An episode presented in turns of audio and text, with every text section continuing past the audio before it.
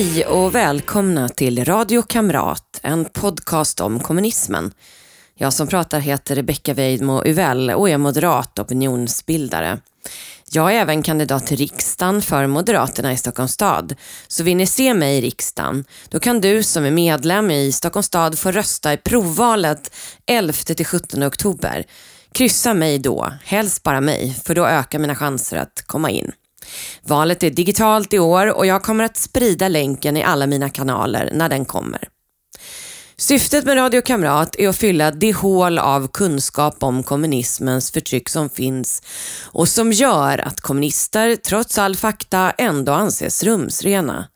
Jag vill med poddserien därför folkbilda och kommer att sända varje onsdag till valet 2022.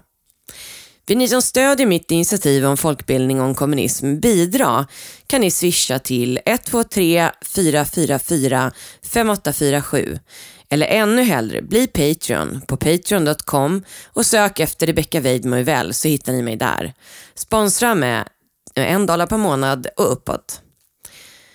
Trots att det bor mer än 50 000 personer med bakgrund i landet har få någon kunskap om det. Men precis som många länder som idag har en massa olika slags problem, inte minst med fattigdom, har även det här landet en historia av kommunism och despoter. Välkommen till Somalia.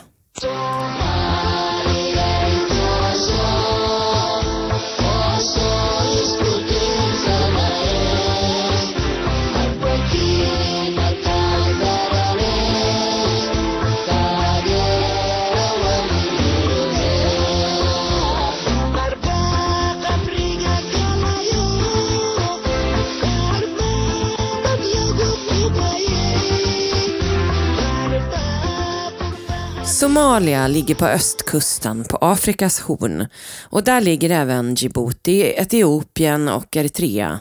Mellan 300-talet och 700-talet var Somalia en del av riket Axum.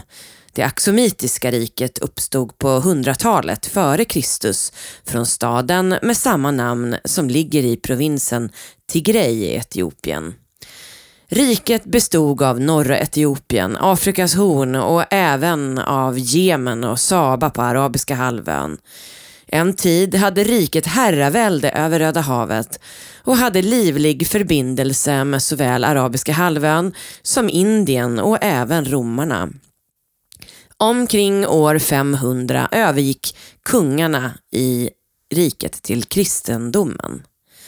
Under medeltiden gjorde muslimer från det islamiska riket Adal söder om Aksum attacker och år 1535 förstördes Aksum av sultanen av Ardal. Ardal-sultanatet uppstod på 900-talet. Dagens Somalia var alltså kristet från början men efter 700-talet växte islam inom Somalia, särskilt efter grundandet år 19 900 då Mogadishu grundades. På 1880-talet upprättade Storbritannien, som redan hade en bas i Jemen, ett protektoriat i norra Somalia, brittiska Somaliland. Italien etablerade strax därefter italienska Somaliland i söder. Ogaden, är provinsen i Etiopien som de fortfarande bråkar om, blev 1887 en del av just Etiopien från att ha tidigare ingått i Somalia. Dagens Somalia bildades den 26 juni 1960 då brittiska och italienska Somaliland slogs ihop till en självständig stat. Somali Youth League, SYL, hette organisationen som kämpat för självständighet och det var en man från SYL som valdes till landets första president 1960. Aden Abdulhaj Osman.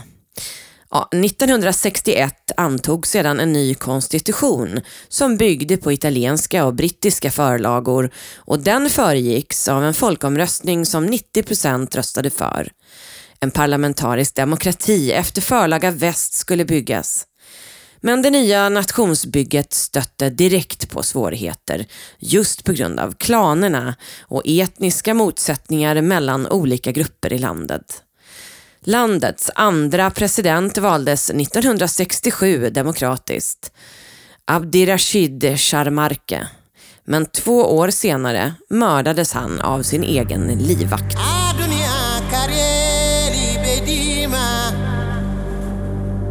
nege nanalaya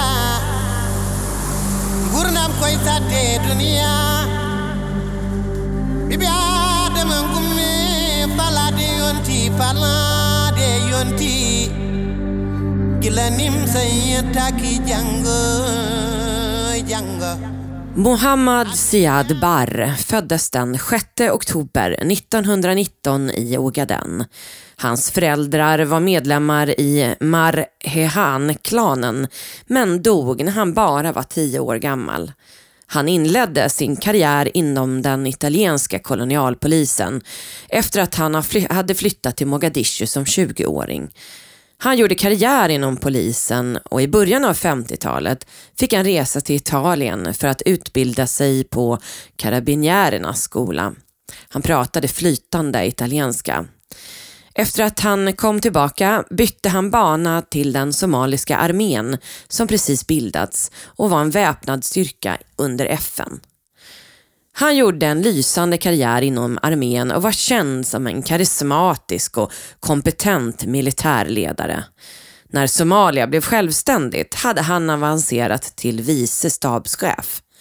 Han var vid tidpunkten även i övertygad marxist. Därför blev han mer och mer fientligt inställd till den första presidenten som han tyckte förde en alldeles för västvänlig politik. Det här var som bekant mitt under kalla kriget. Barr tyckte att landet istället för att vända sig till väst skulle liera sig med Sovjetunionen. Han var samtidigt en nationalist. Siad Barr hade deltagit i militära träningssessioner med sovjetiska officerare och det var så han hittade marxismen och Sovjetvurmen. Dagen efter att president Osman begravts den 21 oktober 1969 genomförde Siad Barr en militärkupp.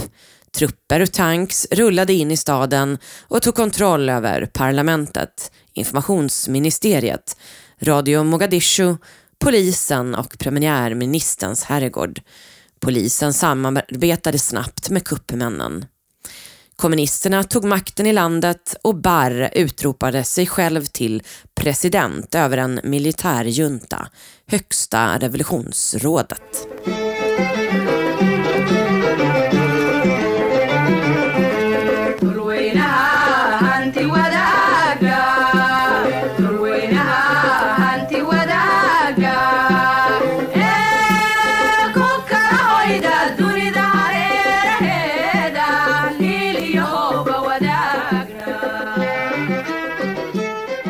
Som alla kommunister förbjöd han direkt alla andra politiska partier och upplöste demokratin. Han arresterade medlemmar i den gamla regeringen, stängde högsta domstolen och upphävde författningen. Han utropade den somaliska demokratiska republiken, som liksom alla andra kommunistiska demokratiska stater saknade demokrati. Staden, staten organiserades efter ett socialistiskt revolutionärt mönster. Barr kallade sig själv den segerrike ledaren och skapade en omfattande personkult kring sig själv, liksom de flesta kommunistiska diktatorer. Den före detta premiärministern fängslades och dömdes till ett långt fängelsestraff. Radio Mogadishu började spela bara militärmusik för att motivera kommunisterna i armén. 1970, ett år efter kuppen, utropade Bar Somalia som en socialistisk stat och började somalisera landet. 1972 hade två av hans kamrater som utmanade honom om makten internt skjutits i en publik avrättning. Den socialistiska staten skulle uppnås helt genom att eliminera makten från klanerna i landet Nomader placerade han i statliga jordbruk efter stalinistisk modell.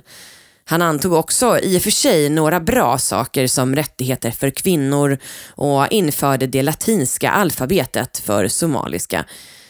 Men Sovjet bidrog med pengar och militärt stöd så att Barr kunde bygga upp en ännu större armé. Snart blev den somaliska armén den mäktigaste i hela Afrika.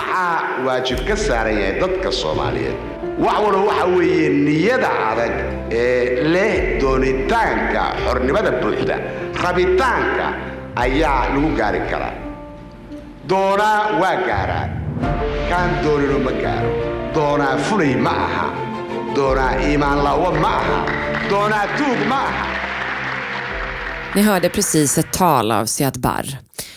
Precis som alla kommunistiska diktatorer satte Barr direkt igång att socialisera hela den somaliska ekonomin. Sovjet hade snabbt skickat sina trogna så kallade rådgivare, som de alltid gjorde när ett land infört en kommunistisk revolution, för att kunna styra landet i för Sovjet önskvärd riktning och knyta landet så hårt det gick till Sovjet. Barr hade även i sin närhet italienskutbildade vänsterintellektuella och 1970 annonserade han den treåriga planen för 1971 till 73. Den skulle ge högre levnadsstandard för alla somalier, jobb för alla som kunde arbeta och utplåna det kapitalistiska utnyttjandet.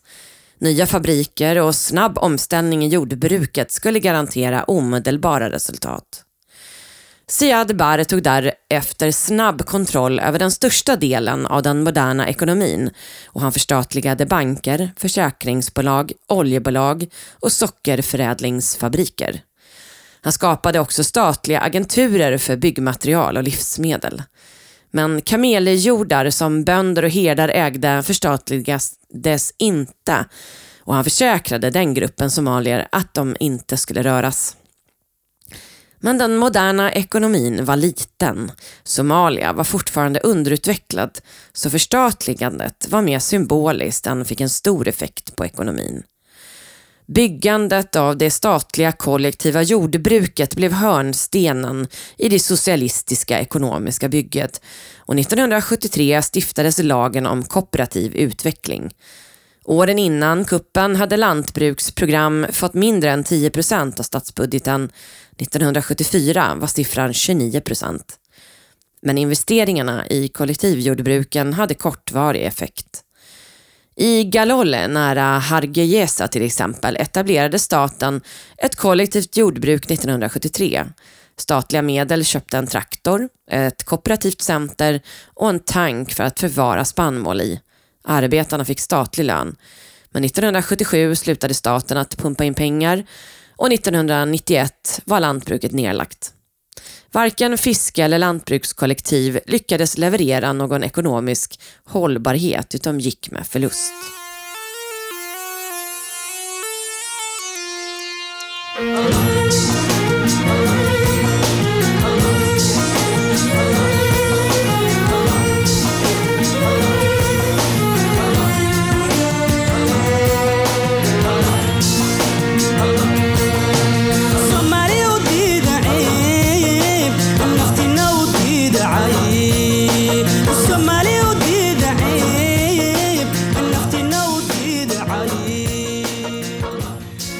Entusiasmen för socialismen och revolutionen började falna hos folk redan i mitten av 70-talet.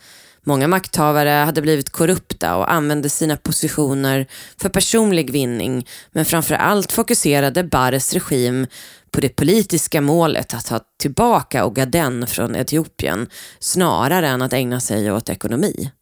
Ekonomin drabbades hårdare av socialism och upprustning av militären än av torkan och statsskulden ökade. Under 70-talet ökade den fortare än exportintäkterna och i slutet av 70-talet motsvarade statsskulden 70 års av bananexport. En tredjedel av skulden var Somalia skyldig andra planekonomiska länder, framförallt Sovjet och Kina men även DDR och Bulgarien. En tredjedel var man skyldig OECD och den sista tredjedelen var Somalia skyldig OPEC-länderna, framförallt Saudi och Abu Dhabi. Många lån skrevs sedermera av. På grund av skuldbördan som ackumulerades attraherade inte Somalia externt kapital längre i mitten av 80-talet parallellt med att kommunisten Barr och hans regim trappade upp i jakten på klanerna. Somalia tappade kontrollen över sin makroekonomiska struktur. Först 1985, i den femårsplanen som lanserades då, började privata bolag börja tillåtas igen i mindre skala.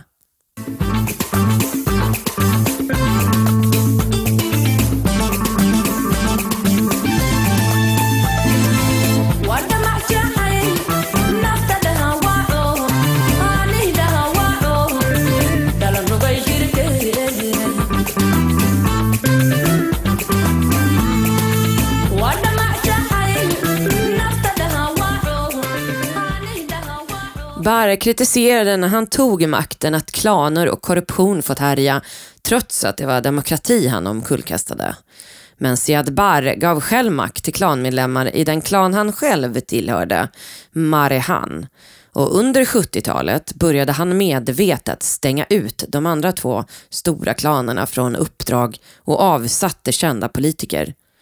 Staten, det vill säga hans regim, fick genom nya lagar rätt att fängsla och avrätta folk utan mycket skäl. Barr-regimen blev mer och mer våldsam i slutet av 70-talet och framåt.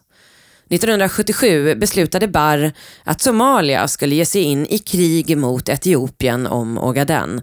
Men Sovjet drog tillbaka stödet till landet och stödde Etiopien istället och 1978 förlorade Barr och Somalia kriget. Han avrättade då 82 höga officerare efter kriget. Det och krigsförlusten utlöste ett försök till statskupp 1978 som misslyckades. Barr utsåg Majerten-klanen som ansvariga och inledde förföljelse av klanmedlemmar. 2000 människor mördades. 1980 ökade motståndet mot Barr och den största motståndsrörelsen var Somali National Movement, SNM, och framförallt innehöll gruppen medlemmar av Isak-klanen från nordvästra Somalia som ett svar på Barrs förföljelse av att klanmedlemmar sparkats ut ur politik och statliga jobb, arresterats och deras företag konfiskerats samt våld mot civila klanmedlemmar. I början av 1982 införde Barr-regimen utegångsförbud i vissa delar av Somalia. Under dessa blev plundring ett sätt för de statliga soldaterna att dryga ut lönen.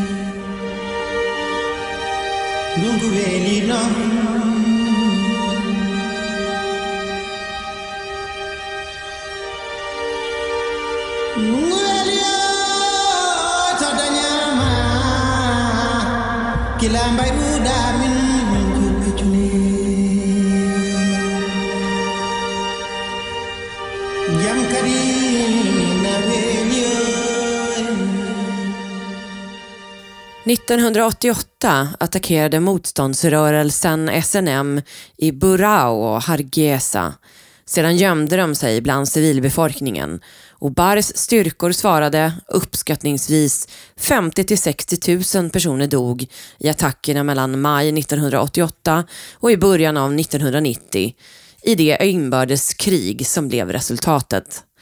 Men Siad Barre fortsatte att förtrycka medlemmar ur Isak-klanen och samlade ihop folk för massavrättningar. De la ut minor runt städer de bodde, förstörde vattenhål, dödade boskap, brände byar. Minst 5 000 medlemmar ur Isak mördades mellan maj 1988 och mars 1989. Men bombningarna kostade Bar mycket, inte bara militärt, utan den somaliska eliten gav sig av under inbördeskriget, de utbildade och framgångsrika. Hans stöd i befolkningen minskade ännu mer.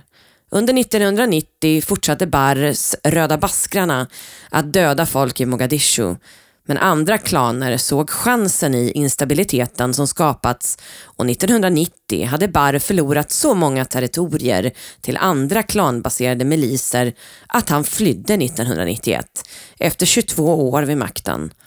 Men ingen annan lyckades heller skapa stabilitet och det inbördeskrig som kommunisten Barr skapade genom att elda på klanmotsättningarna rasade, rasar egentligen fram tills idag.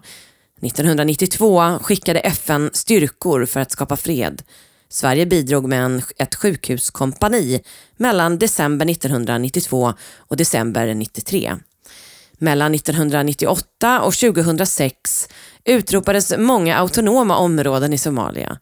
Flera fredsförsök har gjorts. 2006 enades till exempel klaner i en stor koalition, men snart utbröt konflikter igen. Islamister lyckades ta kontroll över Mogadishu. Siad Barre flydde till Nigeria där han levde till sin död. Han dog den 2 januari 1995 vid en ålder av 75 år.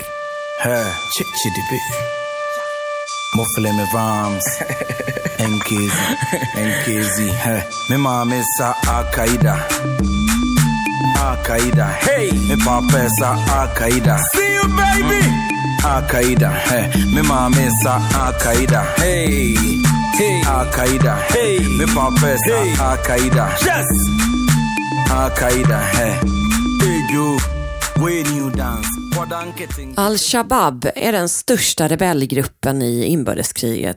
Organisationen bildades som en utbrytargrupp från Islamiska domstolarna i Mogadishu som var en union av islamiska domstolar i Somalia med mål att ta kontrollen över landet och inrätta samma slags sharia-nation som till exempel talibanerna nu etablerar i Afghanistan igen och som Islami Islamiska staten också hade som mål.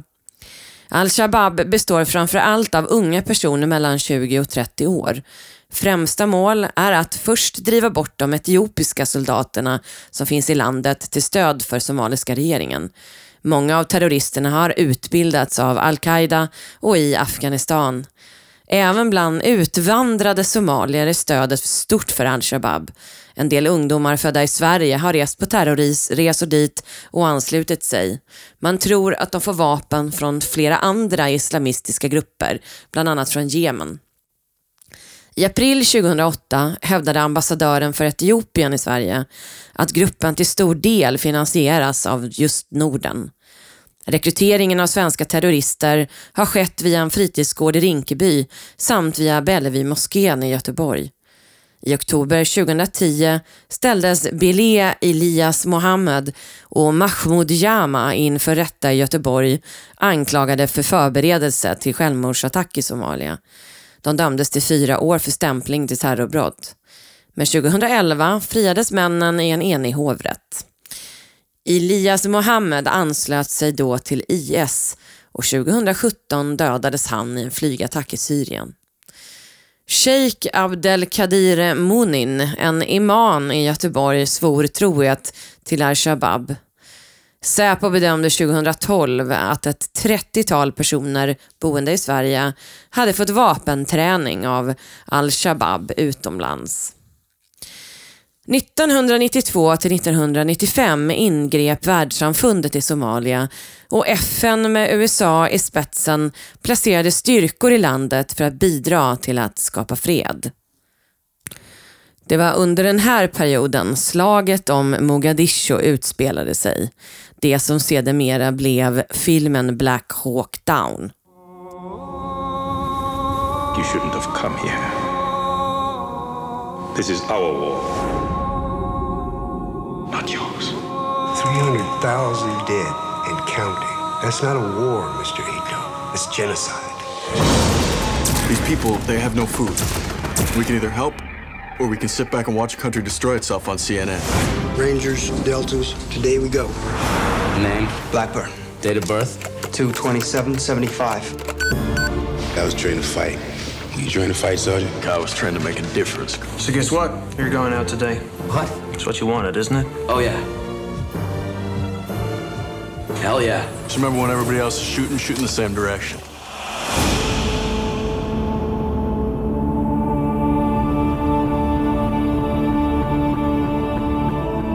Shot at anybody before? No, Sergeant. Me neither. Once that first bullet goes past your head, politics go right out. Amerikanska Task Force Rangers utförde en operation där de färdades från sin bas utanför Mogadishu för att tillfångata ledaren av IDIDs milis 3-4 oktober 1993. Attackstyrkan bestod av Delta Force, US Rangers, luftelement från 160 specialkompaniet, medlemmar från Air Force Parachute och Air Force Combat Controllers. Styrkan bestod totalt av 19 flygplan och helikoptrar, 12 landfordon och 160 soldater. Under operationen sköts två Black Hawk-helikoptrar ner av RPG 7-gevär samt tre andra skadades. Några amerikanska soldater lyckades evakuera skadade tillbaka till basen medan andra omringades vid haveriplatserna. En stadsstrid tog vid och fortsatte hela natten. Tidigt på morgonen nästa dag skickades en gemensam styrka för att hjälpa de omringade soldaterna. Den styrkan bestod av soldater från Pakistan och Malaysia och amerikanska soldater från 10th Mountain Division. De fick ihop 100 fordon, inklusive pakistanska stridsvagnar och malaysiska Kondorbandvagnar och understöddes av amerikanska USH-6 och UH-60 helikoptrar.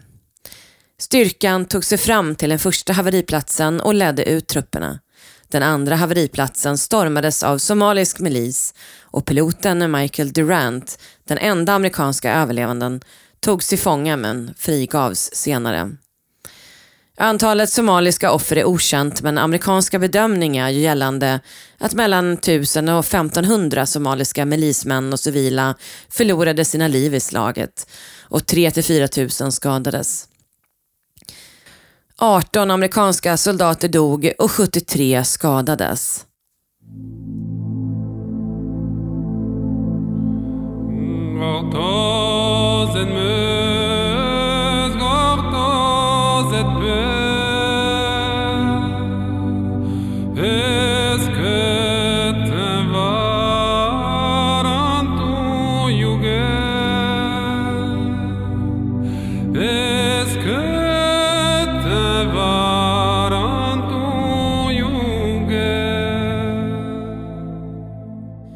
1995 drog sig världssamfundet tillbaka och då uppstod som ofta ett maktvakuum och Somaliland gick snabbt fram för att skapa självständighet. I södra Somalia fortsatte inbördeskriget. Sedan 2006 har den viktigaste konflikten mellan olika grupper pågått i södra delen. På ena sidan står en internationellt uppbackad svag regering med en premiärminister som är svensk medborgare. Mohammed Hussein Roble kom till Sverige 1992 och tog 20 år 2000 examen från KTH. Han utsågs 2020 till premiärminister i Somalia och återvandrade då. Sedan Stefan Löfven tog makten i Sverige 2014 har biståndet till Somalia på grund av en av sossarnas viktigaste väljargrupper, somalierna i Sverige, ökat rejält. Från 300 miljoner per år till det dubbla. 2018 beslutade Löfven att Somalia skulle få ännu högre bistånd. 3 miljarder totalt perioden 2018 till 2022. Han hade ju ett val att vinna 2022 innan han nu har avgått. Så att den bollen har han passerat till förmodligen Magdalena Andersson. Här ska ni strax höra ett klipp om hur biståndet används i Somalia. Aktiviteten i Mogadishus hamn just nu är intensiv. Katastrofbistånd från hela världen landas på kajen i den somaliska huvudstaden. Men eftersom de som ger inte finns på plats i Mogadishu finns ingen kontroll över hur maten distribueras. There's a lot of food and still the hunger is there. Why is that? That's because of lack of coordination. Därför överlämnas ansvaret för hur maten fördelas till de som finns här på plats. De med makt, pengar och vapen. Och visst, hjälpen når fram, men på krokiga vägar.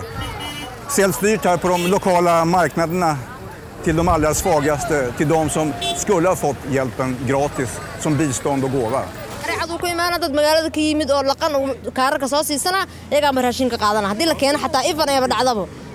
Ku soo baabuur cad uu ku imaana magaalada kaarar ku soo baxsana intuu raashin keensana dadkiisa lou siisanayaa dadkan qaxootiga degan wax la siiya malan waxaa gacantiina ku siisaan basay sugaayaan each camp there's what they call gatekeeper.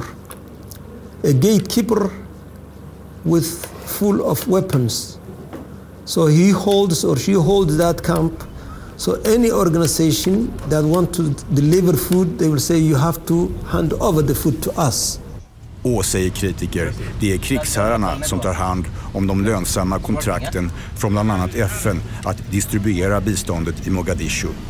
These people, they are basically sitting uh, in Mogadishu with strings into the government, strings into uh, uh, the whole fabric of the Somali society, uh, trying to manipulate things in such a way that they do not lose the lucrative food aid contracts. It spoils a peace in the sense that they do not have an interest in real stability. Sverige gav förra året över 100 miljoner kronor till FN-organet WFP för att distribuera mat i Somalia. Hur kan du veta då att svenska pengar inte hamnar i fel fickor och eh, resulterar i att läget destabiliseras ytterligare? Ja, och det är just den risken som jag har påtalat med biståndet och även med det humanitära stödet. Att i de konfliktmiljöerna så är det stor risk att inte alla pengarna når fram. Som ni hörde så var eh, dokumentären från alliansregeringens tid när Gunilla Carlsson var biståndsminister. Då gav vi 100 miljoner om året. Ni kan tänka er hur lukrativ den här kriminella branschen har blivit nu.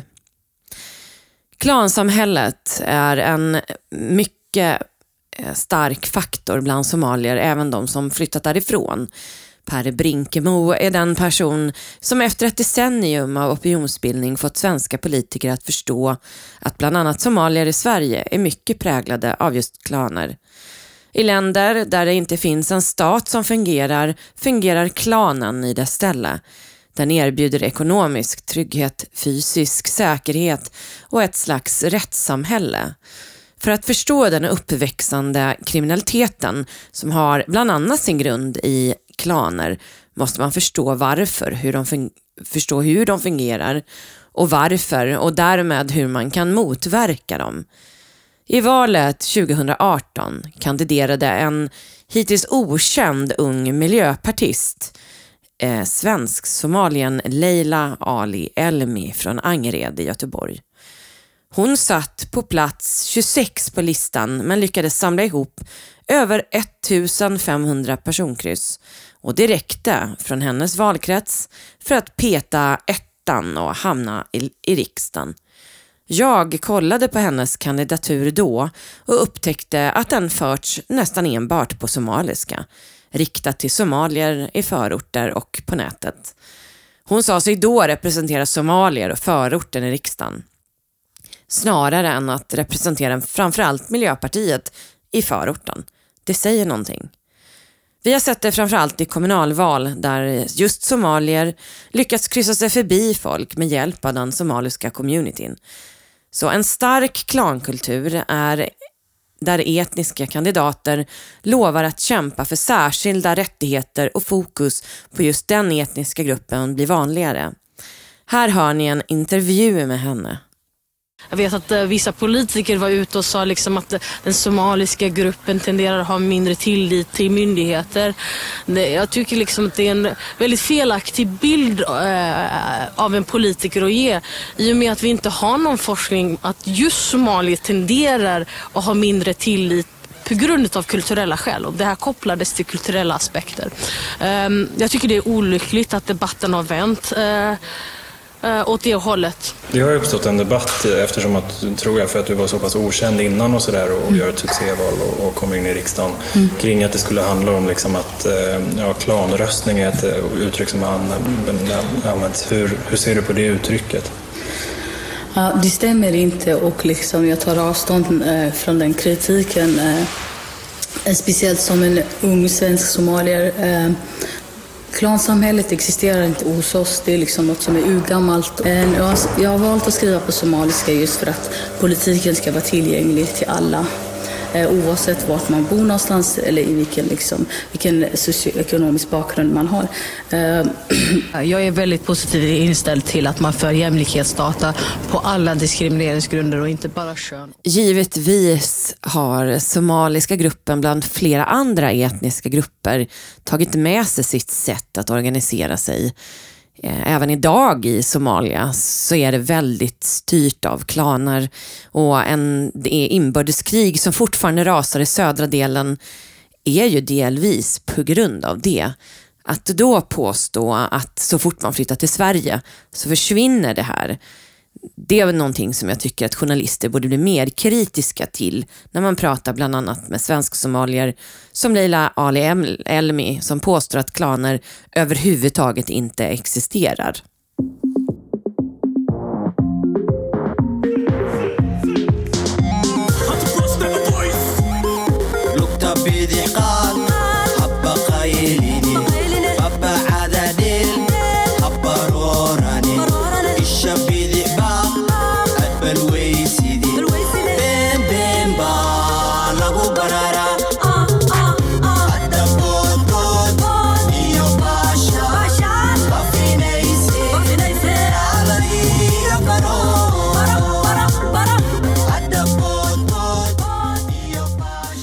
Det var allt för mig för den här gången. Tack för att ni lyssnat. Glöm inte att prenumerera på podden så får du alla avsnitt automatiskt. Och sprid podden till fler lyssnare. Bara så kan vi tillsammans utbilda om kommunismens brott genom historien. Den 11 till 17 oktober är det provval i Moderaterna i Stockholms stad. Om du är medlem, rösta på mig. Tack och på återseende.